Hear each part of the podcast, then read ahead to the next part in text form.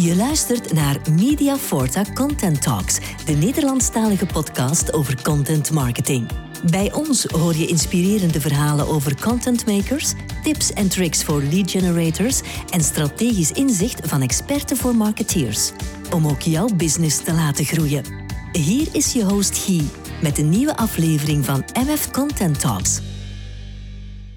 Dag luisteraar, blij dat je er bent en op dit moment naar ons luistert. Content Talks trekt vandaag naar Gent. We hebben een afspraak met een kwikke madame, want mijn gast, Ellen van den Bergen, is naast een begeesterd digitaal expert en operations director ook nog de mama van drie.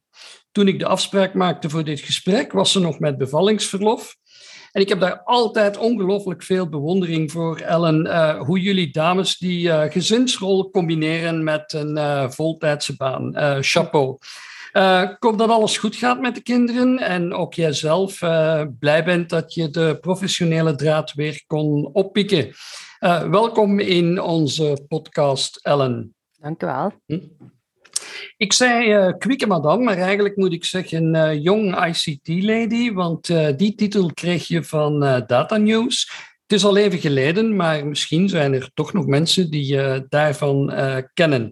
En voor wie jou niet kent, wil ik vragen om je kort even zelf voor te stellen. Uh, dankjewel, Guy. Um, ja, inderdaad, ik ben Ellen, 36 en mama van drie. Um, en dat lukt behoorlijk goed inderdaad om zo dat professionele met het gezin te combineren. Maar ik wil daar misschien even al bij zeggen dat dat niet alleen voor de dames zo is, maar dat dat vooral ook is omdat er hier een papa is die dat ook perfect kan combineren um, en die daar ook energie van krijgt. Dus als team ja, doen we dat heel goed. Um, ik zelf ja, zou mezelf omschrijven als ja, ik ben altijd in de weer, ik kan niet stilzitten, ik krijg energie van dingen te organiseren en mensen samen te brengen en anderen gelukkig te maken eigenlijk. Um, en naast dat menselijk aspect dan ben ik ook heel uh, getriggerd door alles wat dan nieuw is, wat dan met innovatie en technologie te maken heeft. Ik wil eigenlijk altijd nieuwe dingen leren en ik wil snappen hoe dat alles in elkaar zit. En als je die twee kanten dan samenpakt, dan hebben we een beetje de rode draad door uh, mijn professionele loopbaan tot nu toe, zal ik maar zeggen. Enerzijds, wat kan het doen voor mensen en onze maatschappij? En anderzijds, hoe kunnen we dat dan best bouwen met technologie en ook nog een keer gecommuniceerd krijgen en draaglijker krijgen naar anderen. En zo um, ben ik eigenlijk ja, kort na mijn studies van handelsingenieur in Londen uh, beland. Uh, in volle bankencrisis. En daar uh, dan in digitale marketing gerold. Um, en, en daar heb ik dan gaandeweg zodat technologische enerzijds kunnen verder ontwikkelen van het digitaal, maar anderzijds ook de businesskant vanuit de marketing. En ja, zoals je zei, dan ben ik eigenlijk als CEO drie jaar geleden bij Publiek terechtgekomen. En de meeste mensen zullen Publiek misschien niet kennen als naam, maar uh, Publiek is het bedrijf achter Uit in Vlaanderen, Vlieg, Uitpas, Museumpas. Dus ja, een beetje de gangmaker van de vrije tijdsector, zal ik maar zeggen. Um, en daar sta ik nu uh, in voor het operations departement, dus het dagdagelijkse operaties, zal ik maar zeggen, de businesskant. Um, en dat gaat heel breed, van businessanalyse naar accountmanagement voor alle Vlaamse steden en gemeenten, naar big data, technische operaties en, en de marketing. Elke dag is iets anders, dus super, super tof. Klinkt, heel, uh, klinkt ook heel tof, uh, Ellen. En het is leuk als je die, uh, die passie die je hebt hè, voor technologie, voor nieuwe dingen, als je dat ook in, in je werk kwijtraakt. Hm? je werkte voorheen voor de Nationale Loterij en, en nu bij Public. Hè? en zoals je zei, dat is het vroegere Cultuurnet Vlaanderen en onder andere de organisatie achter Uit in Vlaanderen en de Museumpas. Hè? Um, en het is goed dat we het nog eens herhalen, want hè, dat doet misschien sneller en uh, belletje rinkelen uh, bij de mensen. Um, publieke en semi-publieke instellingen dus, en daar draait ons uh, gesprek vandaag ook rond. Hè. Heb jij bewust gekozen voor die publieke sector of ben je er eerder toevallig ingerold? Goh, um, ja, de Nationale Loterij, dat was eerder toevallig, want ik kwam van Londen en ik kwam terug naar België. Um, en ik zocht hier ja, een, een uitdagende job, uiteraard. Um, maar Engeland stond op dat moment, we spreken tien jaar geleden of zo, al een stuk verder in de digitalisering. En ik merkte dat dat hier in België qua digitale marketing toch niet zo evident was om op hetzelfde niveau in te stappen. En dan komt het typisch bij zo de grote digitale bureaus en, en de grote bedrijven terecht. En, en zo kwam ik eigenlijk bij de loterij terecht. Ik had daar een heel tof gesprek en, en zo gestart. Maar dan een paar jaar later, vijf, vijf zes jaar later, was uh, publiek dan, dat was wel echt een heel bewuste keuze. Want ik was ondertussen mama geworden van, van ons eerste dochter. En toch een beetje op zoek naar, naar een job met wat meer impact. Um, en impact, dan bedoel ik echt impact op twee vlakken. Enerzijds zo qua inhoud via een bedrijf met een maatschappelijke missie en um, anderzijds ook qua slagkracht via een rol waar dat business en IT een stuk samenkwamen en een nauw team konden vormen. Um, en dat vond ik dan uh, bij publiek, want um, uh, zoals ik daar juist zei, die, uh, publiek doet zo de gangmaker van de vrije tijdssector. Dus je kunt eigenlijk een beetje zien als zo de Deliveroo van het, van het vrije tijdsleven of zo. Hè. Wij, wij, maken zelf geen eten, maar via onze platformen en onze producten hè, willen wij mensen die honger hebben naar vrije tijd en cultuur matchen met zij die vrije tijdsactiviteiten aanbieden. En dat doen we dan via verschillende producten. En we doen dat eigenlijk vooral omdat we geloven dat mensen tijdens een vrije tijd heel hard openstaan voor elkaar, voor de ander, voor ontmoeting, voor ontdekking. Um, en dat we dus zo eigenlijk meebouwen aan een sterkere maatschappij, waar dat iedereen zijn eigen plekje kan vinden, um, waar dat iedereen dus letterlijk kan deel uitmaken van een publiek. Dus, dus dat is die impact waar dat ik naar zocht inhoudelijk. En, en anderzijds dan inderdaad die rol van, van operations uh, uh, verantwoordelijke, waar dat die vijf teams, dat ik daar juist een stukje zei, samenkomen, maar ook waar dat B2C en B2B2C um, heel sterk samenkomt. Dus, dus geen silo's, geen muurtjes, geen dit is mijn domein, dit is jouw domein, maar gewoon allemaal samen, ja, vol bak voor hetzelfde doel, recht vooruit gaan. En dat geeft, geeft heel veel energie. Ja, en die energie, dat, uh, dat straal je ook uit. En, uh, en je bent eigenlijk het uh, helemaal voor die publieke sector aan het opnemen. En ik ben dan ook blij dat je, dat je vandaag bent om, om dat hier bij ons te doen. Want ik merk vaak dat er een, een misver, misverstand bestaat over marketing en communicatie in die publieke sector. Het wordt vaak een beetje gedoodverfd als behoudsgezind, beperkte budgetten, moeizame integratie van sociale media door allerlei beperkingen. En, maar is die kritiek vandaag nog terecht? Ja, ik kan me niet echt uitspreken voor Hans, de publieke sector, want ik denk dat dat een heel brede verzamelterm is. Um, maar als, Inderdaad, ik leg veel op jouw schouders. Ja. ja. maar als ik naar uh, Uit in Vlaanderen en Uitpas en Museumpas alleen naar publiek kijk, dat, dan, dan kan ik absoluut niet zeggen dat dat behoudensgezind is. En dan zijn we heel sterk aanwezig op allerlei sociale media. Dat gaat van enerzijds LinkedIn, voor het heel professionele, tot TikTok, voor uh, het bereik van jongeren enzovoort. Het klopt wel allee, dat budgetten voor betalende media bij ons niet zo hoog zijn. Maar betalende media is eigenlijk ja, gewoon een middel om een, om een doel te bereiken, om een marketingdoel te bereiken, een businessdoel te bereiken. En dat doel, in ons geval, zoveel mogelijk mensen informeren en inspireren over, over dat vrije tijdsaanbod. Dat, kan je ook op een andere manier bereiken. Hè? Met, originele campagneconcepten, met samenwerkingen in de sector, met mediaruils, met een personeelploeg die gewoon één voor één gewoon zelf al een heel sterk ambassadeur is. Um, en, en dan merk je ook dat in coronatijden eigenlijk heeft die culturele sector ook wel echt bewezen dat ze heel gedreven en constructief kan samenwerken. Hè. Dan merkte dat uh, elke twee, drie weken was de corona-realiteit weer veranderd. En een paar weken later lag er een grote campagne. En dan denk ik aan uit in huis, om, om alles van cultuur bij de mensen thuis te brengen. De deur uit om dan terug naar buiten te kunnen gaan en terug mee te kunnen uh, buiten en van cultuur genieten. Podium 19, de cultuurzender die gelanceerd is. Eindelijk de campagne rond de heropstart van de sector. En dat is, dat is wel heel sterk. Daar, daar heb je niet zozeer heel grote marketingbudgetten voor nodig, maar wel veel energie, goesting en samenwerking. Um, en dan kom je er ook. Ik, ik hoor heel veel uh, dynamiek en, en, en, en dat, is, uh, dat is plezant om te horen. Maar ik wil er toch nog even, even, even op, uh, op focussen. Hè. Lag de schuld dan in het verleden niet een beetje bij die organisaties zelf, die zich misschien te lang hebben gedistanceerd van, van technieken en, en aanpak die bij commerciële bedrijven sneller en al langer ingang vond? Een beetje in die duim voor alles wat naar commerce ruikt, zal ik maar zeggen. Mm, ja, ik, zie dat anders. Want ik denk ook daar dat, zowel in de privé als in de overheidssector, dat er rappe en trage actoren zijn. En dan nog een keer mensen of bedrijven die laat wakker schieten, maar dan opeens plots een mega inhaalbeweging doen.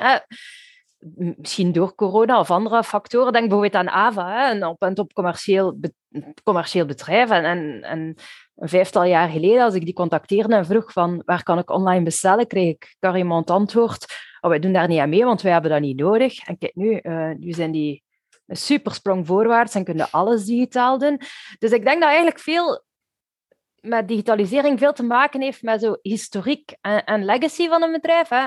Bijvoorbeeld hè, bij de loterij je kunt niet zomaar even van spelsysteem veranderen. Eh, dat is heel riskant en, en dat is ook duur en dat zit wijdverspreid bij heel, veel van die verkoopspunten. Dus stelde dat uit dat, dat, dat eigenlijk dat uitspelsysteem een risico wordt. Om dezelfde reden zitten veel van de banken bijvoorbeeld nog met oude systemen en programmeertalen.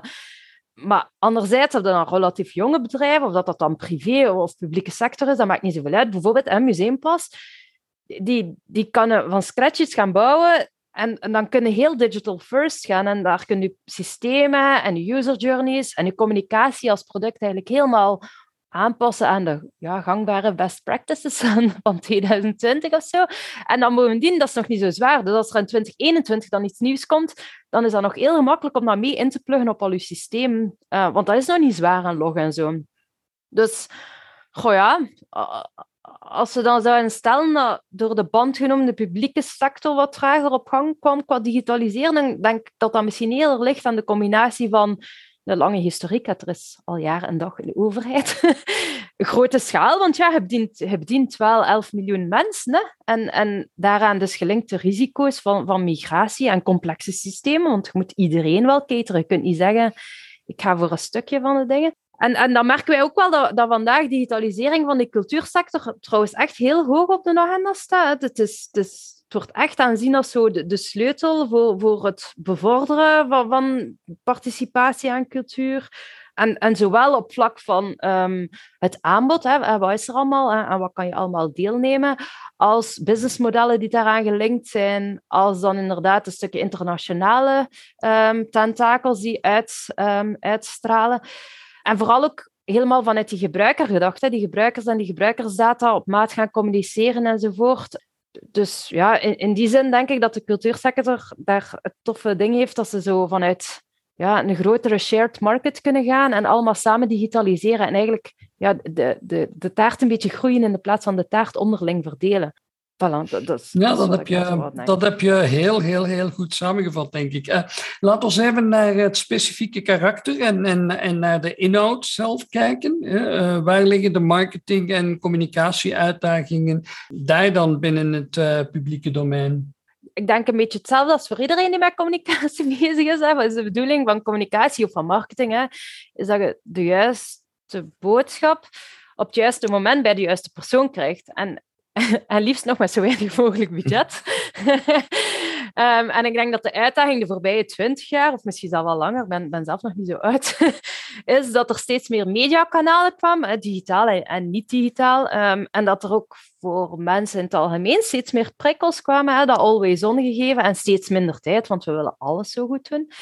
Um, dus als merk of als product is het niet zo evident om er altijd bovenuit te steken. Um, maar terug, denk niet dat het anders is voor een commercieel bedrijf dat, dan voor een dienst of een product bij maatschappelijk nut. Um, dus ik denk dat de boodschap is, of de opdracht is, om in eerste instantie heel vindbaar te zijn op het moment dat mensen jou zoeken. Hè. Dus merkbekendheid blijft ook nog iets wat heel, heel, heel prominent aanwezig is um, in de communicatiedoelstellingen.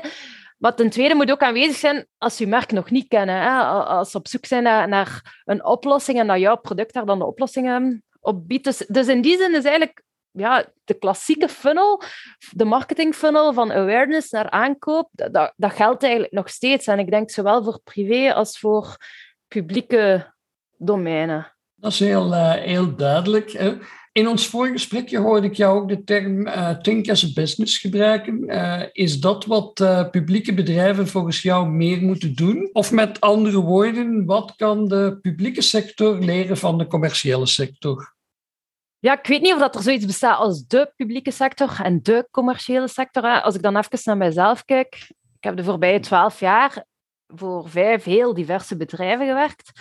En bij elk van die vijf bedrijven waren er goede dingen en waren er dingen die minder liepen. En als ik daar nu op terugkijk, denk ik dat elk van die vijf bedrijven van elkaar wel kan leren. Um, maar het komt er wel op neer dat ze inderdaad allemaal een business run hebben. Op korte termijn en op lange termijn. Want daarvoor heb je je bestaansreden.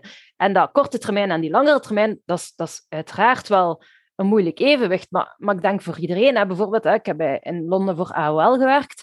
Dat is een mastodont en die was eigenlijk te groot geworden. Die heeft dan te laat gezien dat er concurrentie kwam. Maar dat was wel een, een geoliede machine in de core van, van, een, van een draaien. Daar waar dat ik dan daarna voor een start-up heb gewerkt, zit dat dan niet had, die geoliede machine. Want dat groeide heel snel. Het was wel altijd feest.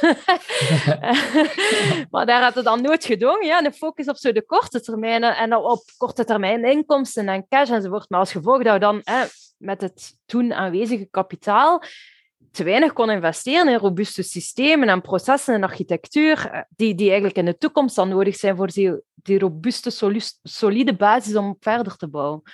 En dat had de loterij dan weer wel. En de loterij heeft dan zijn sterke merken en, en een uitgebreid netwerk van verkooppunten met, met heel geëngageerde mensen. En, en dus ja, mooie budgetten, zowel IT als marketing. Maar dat is dan weer niet zo wendbaar als die een start-up.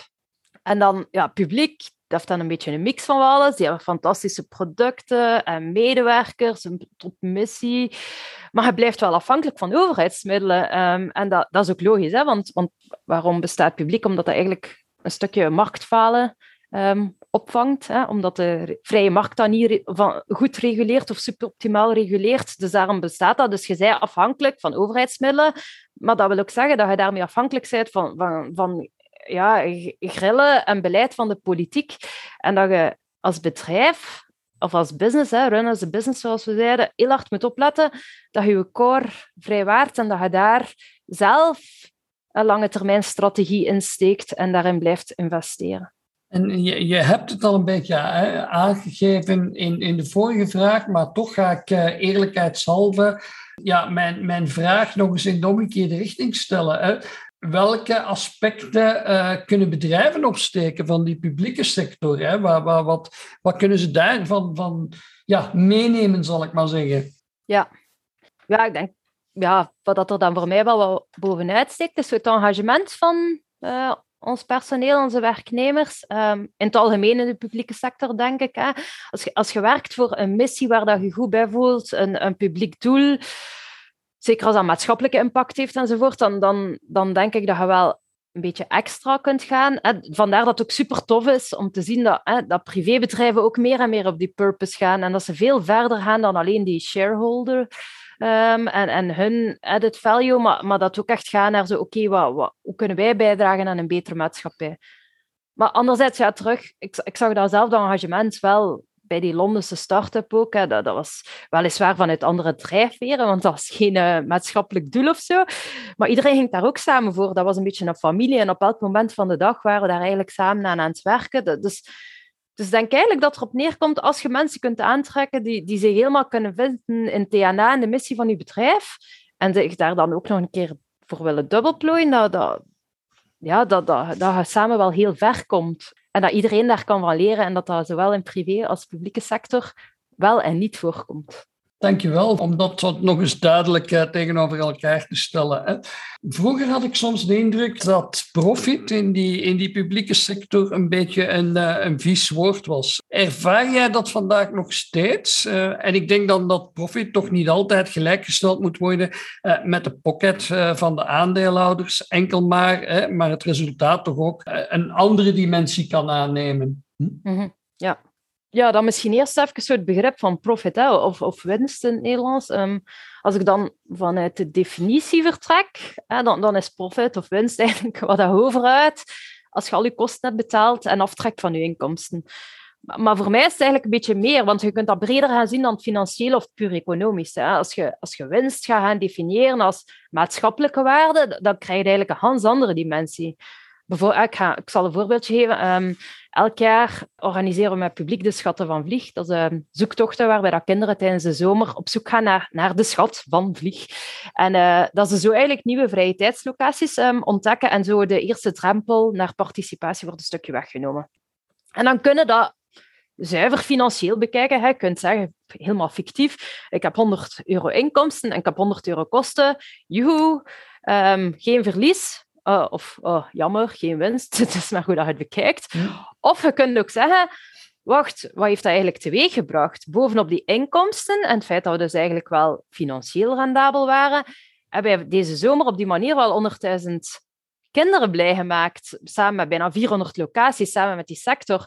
En daarvan, van die 100.000 kinderen, was, was twee derde eigenlijk op een locatie gekomen waar dat ze nog nooit waren geweest. Dus die ontdekking, die verwondering, dat, dat heeft ook zijn waarde. En, en misschien zelfs nog veel meer waarde dan dat financieel, hè? want dan zijn dat nu maatschappelijke missie aan het, uh, aan het werken. Dus, dus als we dat begrip van profit eigenlijk breder trekken dan dat pure financiële winst, ja, dan denk ik dat iedereen graag winst maakt. Misschien als je het luider financieel bekijkt ook. en daarnaast is het ook denk ik heel belangrijk wat je dan met die winst doet. Hè. Um, ja, je hebt het al een stukje aangehaald, maar met die aandeelhouders, ofwel vloeit allemaal terug naar aandeelhouders, maar dan het verschillende structuren van aandeelhouders. Als je gaat kijken bijvoorbeeld naar Museumpas, Museumpas is, is een heel mooi voorbeeld van hoe dat um, winst terugvloeit naar de, de participerende actoren. Want Museumpas is een, is een um, coöperatieve vennootschap.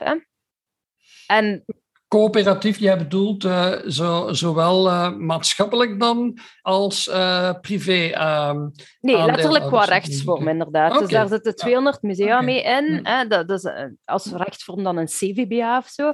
En die is er ook gekomen om de museale sector te ondersteunen enzovoort. En dus eigenlijk komt erop neer, 200 Belgische musea stappen in, in een soort van collectief. En zij spreken af, voilà, wij gaan ons helemaal engageren voor dit project.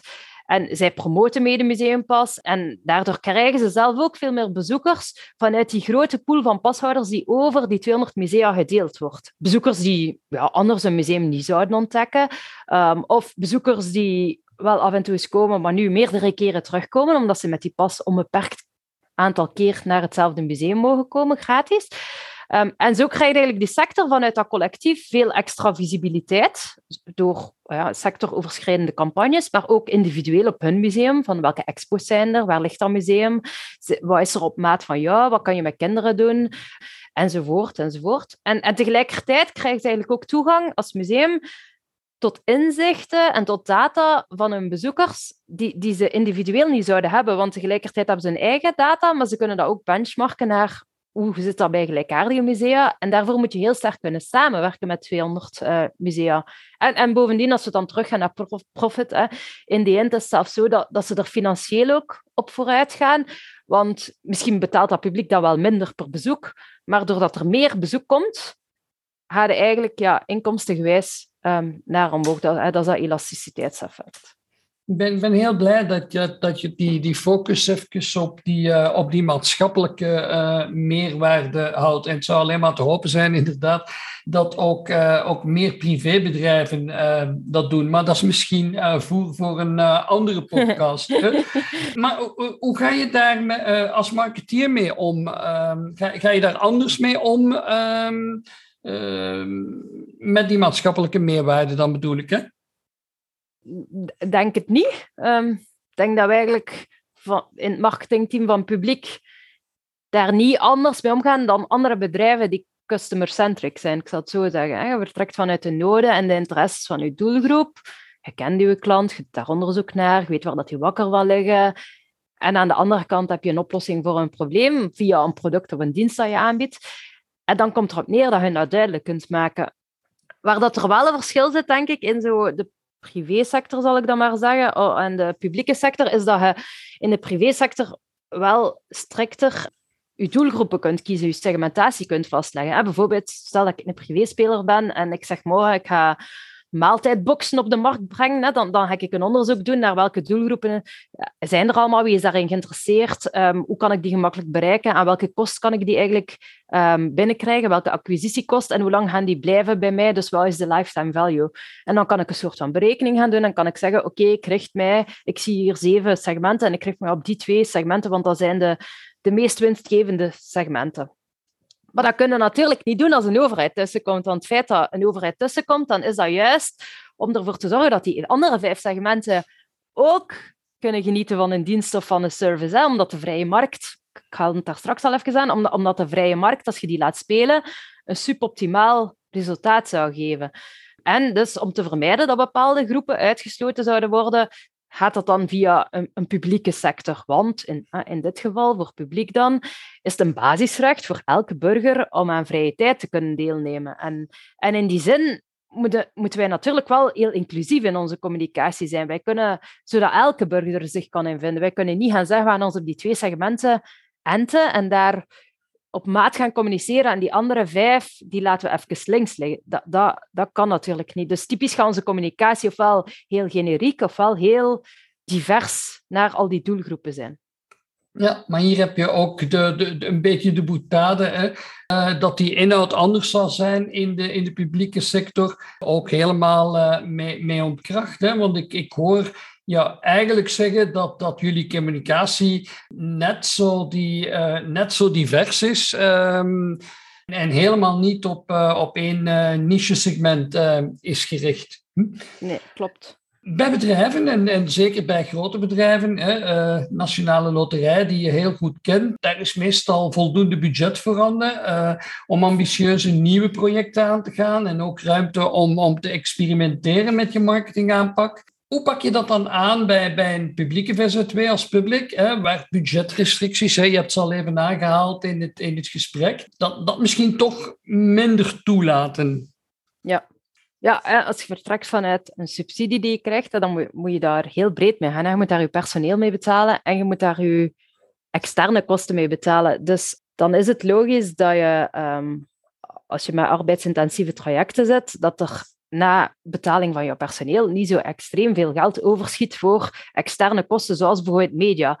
Maar dat kan je wel op een andere manier compenseren, want je kunt terug hè, heel hard gaan samenwerken. Je vindt elkaar, je, verbindt op gemeenschappelijke drijfveren en missies. Hè. Een beetje zoals elk partnership trouwens. Maar...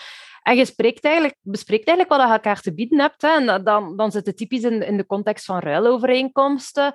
En dan, um, ja, dan, dan legt dat andere zaken in de weegschaal dan pure cash. Dat kan zijn visibiliteit, tickets, kennisdeling. Iedereen vertrekt een beetje vanuit zijn sterkte, wat dat hij te bieden heeft. En, en wat dat ook wel is, is dat doordat wij zo toffe producten en diensten hebben, waar, waar dat mensen eigenlijk een goed en warm gevoel bij krijgen, is het ook wel makkelijker om persaandacht te krijgen um, dan bijvoorbeeld bij louter commerciële merken. Louter commerciële merken gaan wellicht moeten betalen om die persaandacht te krijgen. Wij, wij moeten dat niet. De media die willen ook zelf heel graag meewerken aan zo die maatschappelijke visie. Om, om maar een voorbeeld te geven, we hebben al superveel toffe campagnes gedaan met de VRT en met de sector zelf. Hè. Ik had er daar straks al even naar verwezen, maar de campagne van Eindelijk Cultuur, de, campagne rond de heropstart na corona, ja, dat, dat is fantastisch, hè, dat, dat iedereen daar zo zegt van oké, wij kunnen dit bieden en wij zullen dan daar een, een, tandje bij steken en wij leggen dit in de schaal en dan komt daar iets moois uit. Of tijdens corona zelf, dan, dan ligt er opeens een spoedtempo, ik denk in minder dan twee maanden, een digitaal cultuurkanaal, Podium 19, en dat is dan een samenwerking tussen private en publieke actoren, want de VRT zat daarin, de zeven grote Vlaamse cultuurhuizen, maar ook de drie telecomoperatoren. En zo, zo vind je elkaar wel. Als je zegt, wij vinden dit belangrijk en wij willen daarvoor gaan en dit is wat we allemaal bijdragen om samen tot een gemeenschappelijk doel te komen, dan lukt dat wel. En dan heb je niet altijd dat betalend budget ervoor nodig om tot hetzelfde resultaat te komen. Ja, goed om te horen dat die, dat die creativiteit er is, die samenwerking er is. Hè? En, en dat samenspannen om, om aan, die, ja, aan al die behoeften te voldoen. En zeker aan die, aan, aan die klantenbehoeften. Hè? Want wat ik denk dat daar de vraag naar digitale mogelijkheden uh, net zo groot is dan, dan aan de andere kant. En uh, liggen de verwachtingen van de gebruikers ook, ook in lijn? Of, of, of, of zit daar toch nog ergens een verschil in volgens jou? Ja, dat, dat, is, dat is een heel breed spectrum. Hè. Als wij een ganse maatschappij moeten cateren, zal ik maar zeggen. Um, dat, dan... Heb je mooi gezegd, ja. Ja, dus dat, om binnen de Deliveroo uh, te blijven. Dat, dan merken wij vandaag hè, dat die verwachtingen wel heel divers zijn. Hè. Sommige gebruikers, en je ziet dat ook met, met een COVID-safe pass, de reacties daarop. Sommige gebruikers zijn hyperdigitaal, willen alleen nog maar dingen op mijn smartphone, uh, gebruiken zelf geen laptop meer enzovoort. Maar andere gebruikers hebben geen smartphone, hebben geen computer en willen eigenlijk alleen maar op, op papier nog zaken hebben. Bijvoorbeeld met dat voorbeeld daar straks van die maal, maaltijdboxen, um, dan zei ik al dat wij niet luider op de meest winstgevende segmenten kunnen gaan. Net zo min kunnen wij hier zeggen, oké, we gaan luider alleen maar voor het digitale en we sluiten mensen die niet digitaal zijn uit, want wij willen dat iedereen mee kan en wij willen um, dat iedereen kan deelnemen aan dat vrije tijdsleven, want dat, dat is gewoon een basisrecht. Daarom zit het ook zo hard in ons DNA dat het ah, informeren en inspireren, dat dat ook hand in hand gaat met wegnemen van, van drempels. Drempels die, die participatie of die deelname aan het vrije tijdsleven in, in de weg staan. En dat kan een financiële drempel zijn, hè, bijvoorbeeld zoals uh, uitpas. Uitpas zorgt ervoor dat mensen in armoede ehm, 80% korting kunnen krijgen op uh, tickets.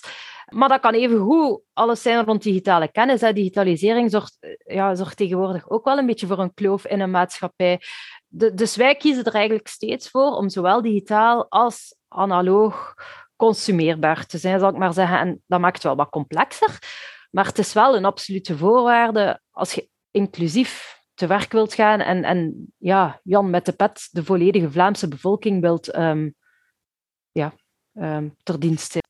Vroeger, ehm, in, in het begin van mijn uh, agentschapscarrière, zag ik soms vreemde vragen van, van publieke bedrijven, overheidsbedrijven, om heel veel mogelijkheden in te bouwen in zaken toegankelijkheid. Soms regeltjes tot, tot in het absurde toe en altijd een noodzaak om ook een, een offline alternatief te voorzien voor wie niet online kon gaan op dat moment. Heb je als publieke sector nog altijd die noodzaak om altijd al die belangengroepen mee te nemen en de regeltjes naar de letter toe te passen? Of, of is dat intussen ook bijgebeend?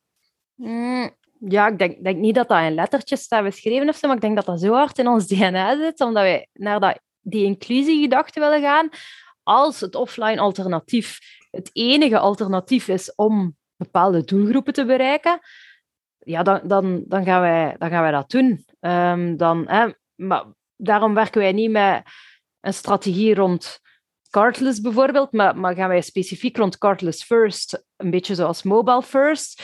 Je zorgt ervoor dat iets draait op een mobiele telefoon, maar het werkt ook nog op een computer enzovoort. Gaan wij voor zaken zoals cardless first met uitpas en museumpas, waarbij dat je een volledig digitale flow kan hebben als je daarvoor kiest. Maar dat als je dat niet hebt, dat je het ook nog op andere kanalen, analoog en offline, zal ik maar zeggen, dan, dan kan consumeren, want, want anders sluit je die, die groepen uit. Maar ik denk niet dat dat ik voel dat niet aan als een verplichting vanuit een overheid. Dat is misschien ooit zo gestart of zo. En dat is misschien waarom dat we het traagvlak hebben voor die subsidies. Maar dat zit zodanig in, in onze producten en in ons denken als VZW, dat dat die inclusiegedachte gewoon vanzelf naar boven komt en dat, dat we dat niet zien als, hoe de letter van de wet stelt dat we dit of dat moeten doen. Oké, oké, oké. Dat maakt het uh, allemaal een beetje duidelijker. Uh, laten we even naar de mensen kijken in, uh, in onze publieke organisaties.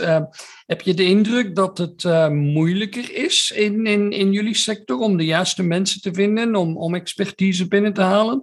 Bij veel mensen die ik ken leeft toch nog altijd iets dat de overheid en overheidsinstellingen en alles wat daaraan gerelateerd is minder betaalt en, en minder aantrekkelijke werkvoorwaarden biedt.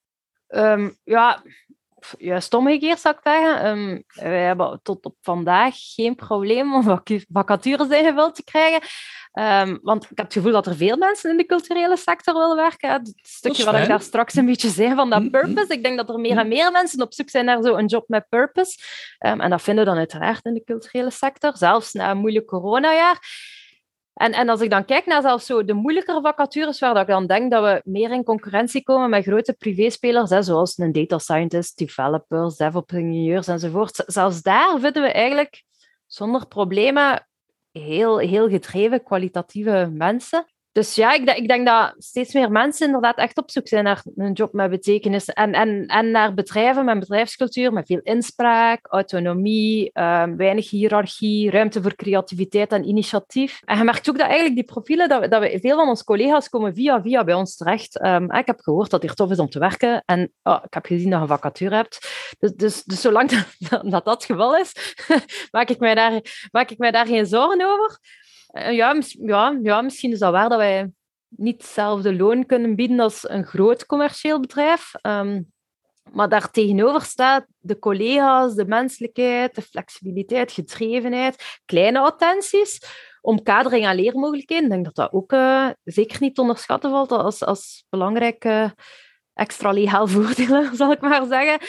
En dat maakt dat ruimschoots goed, want ik denk dat we niet mogen vergeten dat je toch bijna acht uur per dag op je werk spendeert. Als je dan mooi betaald wordt, maar een job doet waar dat je niet zo goed voelt, dan, dan is dat volgens mij voor steeds meer mensen toch niet waard. En helpt de balans een beetje naar de andere kant over op dit moment. En ik denk ook dat je met, met je enthousiasme en, en, en dit gesprek ook misschien wel weer mensen hebt aangezet om, uh, om, om eens even over het muurtje te kijken en inderdaad, hè, voor ons allemaal geldt dat uh, uh, aangenaam werk en werk wat we met volle passie kunnen doen, heel erg belangrijk is. Ik heb het gevoel, Ellen, dat we, dat we nog een hele, ehm, hele tijd door kunnen praten. hè. Jij bent ook zo'n gezellige babbelaar. Hè. maar onze tijd zit er, zit er helaas al, alweer bijna op. En, en ik sluit gewoontegetrouw altijd af met een, met een tip van mijn gast. dat mag een bedenking zijn of een suggestie of een gouden raad die uh, de luisteraar vandaag en misschien wel voor de rest van dit jaar nog wilt uh, meegeven. Ga je gang, Ellen. Ik zal dan misschien vooral vanuit eigen ervaring spreken. Dus um, ja, ik ben zelf nog niet zo heel lang op de arbeidsmarkt. Twaalf jaar is nog niet zo lang. Um, maar ik krijg wel heel vaak de vraag over zo, ah ja, wat brengt de toekomst en waar wil je binnen vijf jaar staan? En ik krijg die vraag eigenlijk al al twintig jaar, want dat was al bij studies was al zo. En wat ga je studeren en wat wil je daar dan mee worden enzovoort. En dat is een beetje een vraag waar ik altijd wel mee gestruggeld heb. Um, en ik vind het ook heel moeilijk om te antwoorden. En, en eigenlijk recent, door een stuk ter, terug te blikken op vijf heel diverse ervaringen enzovoort, heb ik beseft dat zo die keuzestress, dat, dat eigenlijk voor niks nodig is. En dat als je niet weet wat je wil doen, dat dat perfect oké is. En dat ik dan gewoon als raad kan geven, ga gewoon heel breed, probeer heel veel. En vanuit onze kritische Vlaamse mindset ga je wellicht heel rap ontdekken wat je niet graag doet. En wat je niet graag doet of niet leuk vindt. Als je dat dan elimineert, dan kom je eigenlijk vanzelf wel dichter en dichter bij wat je wel graag doet. en uh, wat dat jou wel energie geeft en wat dat jouw drijfveren zijn enzovoort. En ik denk in deze tijden van keuzestress, en zeker na corona, waar dat alles terug oppikt, en met driedubbele speed oppikt en alles inhalen enzovoort, denk ik dat dat een hele ja, een, een tip is voor mezelf om eigenlijk een stukje te kiezen, maar toch niet de FOMO te hebben. Ja, en, uh, het is een tip, maar het is ook een, een, een heel mooie boodschap, uh, denk ik. Uh, Vriend, bedankt voor uw tijd, Ellen, om het in Schuun Gens te zeggen. Hè? Ja, dat kan ik niet meer ehm, stoppen naar dat Hens. ja, maar dat, dat maakt het ook heel charmant. Hè? Ehm, ik ben trouwens ook een Oost-Vlaming.